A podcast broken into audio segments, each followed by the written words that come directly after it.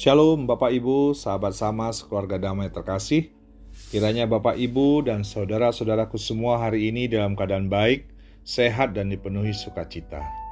Kita bertemu kembali dalam sapaan damai sejahtera di tahun yang baru ini, hari ini 13 Januari 2022. Renungan sama hari ini kita ambil tema pertobatan yang palsu. Mari kita berdoa sebelum kita bersama merenungkan firman Tuhan. Bapa Surgawi, kami bersyukur untuk kebaikan-Mu Tuhan. Kami berterima kasih untuk kesehatan yang Tuhan beri. Dan kami bersyukur untuk hari ini kami masih bisa merenungkan sapaan firman-Mu.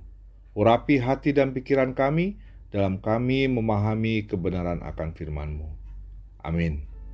Bapak Ibu keluarga damai yang terkasih, bacaan sama kita hari ini diambil dari kisah para rasul 8 ayat 18 sampai 24. Demikian firman Tuhan. Ketika Simon melihat bahwa pemberian Roh Kudus terjadi oleh karena rasul-rasul itu menumpangkan tangannya, ia menawarkan uang kepada mereka serta berkata, Berikanlah juga kepadaku kuasa itu, supaya jika aku menumpangkan tanganku di atas seseorang, ia boleh menerima roh kudus.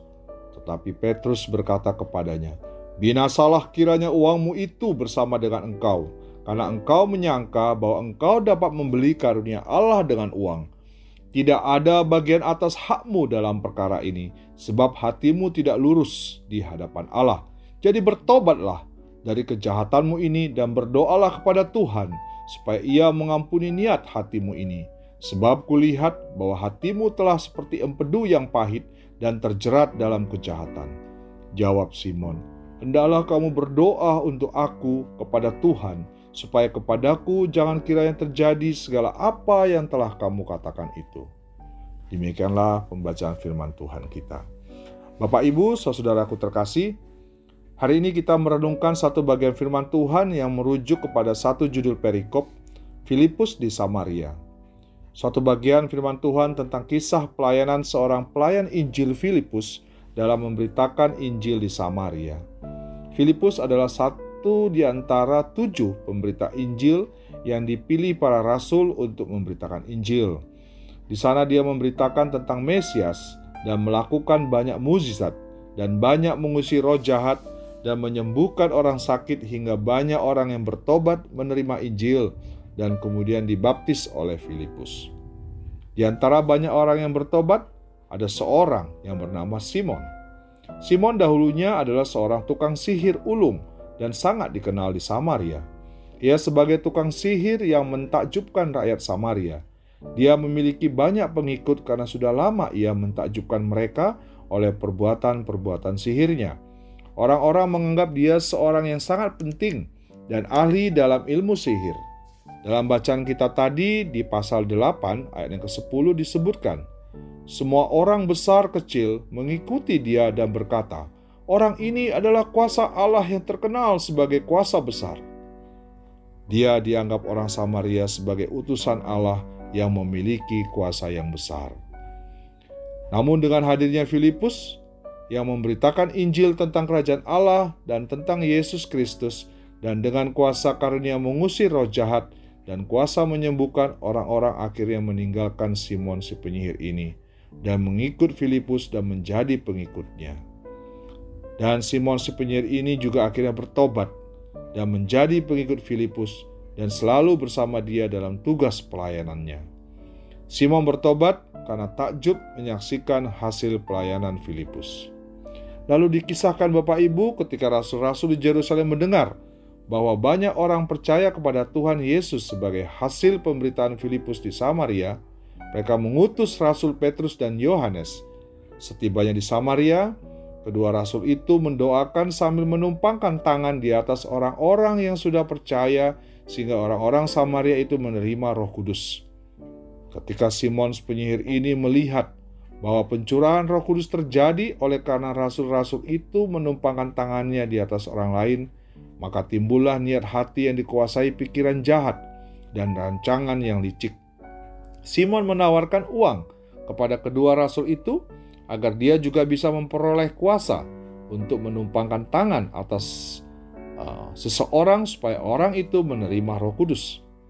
Bapak, Ibu, sobat sama yang terkasih, Meskipun telah melihat tanda mukjizat dan mendengar berita Injil melalui Filipus dan juga kedua rasul Petrus dan Yohanes, Simon sang penyihir ternyata tidak benar-benar mengerti bagaimana pertobatan yang sejati.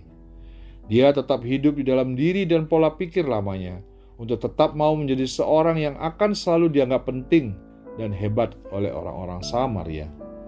Simon ingin tetap memiliki hati dan ingin kembali merebut posisinya sebagai ahli sihir pembuat mukjizat terbesar di kota itu. Dia melihat kemungkinan itu waktu menyaksikan Roh Kudus turun saat kedua rasul menumpangkan tangan. Menurut hatinya, ini merupakan mukjizat yang sangat besar, dan dengan mukjizat ini, dia ingin tetap menjadi tukang sihir yang terkenal, bisa memberikan kuasa Roh Kudus kepada orang lain.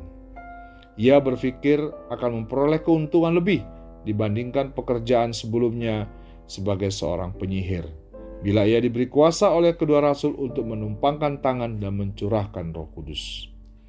Lalu ia menawarkan uang kepada kedua rasul itu untuk diberi kuasa mencurahkan Roh Kudus.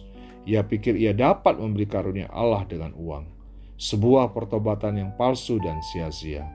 Pertobatan kepada Tuhan bukan dilandasi keinginan untuk hidup benar dan mengabdikan diri kepada Tuhan, tetapi semata-mata untuk mencari keuntungan pribadi dan kemegahan diri. Bapak, ibu, dan saudaraku yang terkasih, pertobatan adalah pembinasaan terhadap kelakuan, karakter, pola hidup, dan keterikatan dengan dosa yang tidak berkenan kepada Allah, dan menggantinya dengan ketertundukan hidup kepada Kristus di dalam ketaatan firman dan doa, sehingga ada pengampunan, perubahan, dan pengabdian kepada Kristus di dalam hidup kita. Bagaimanakah dengan iman dan pertobatan kita di hadapan Kristus sekarang ini.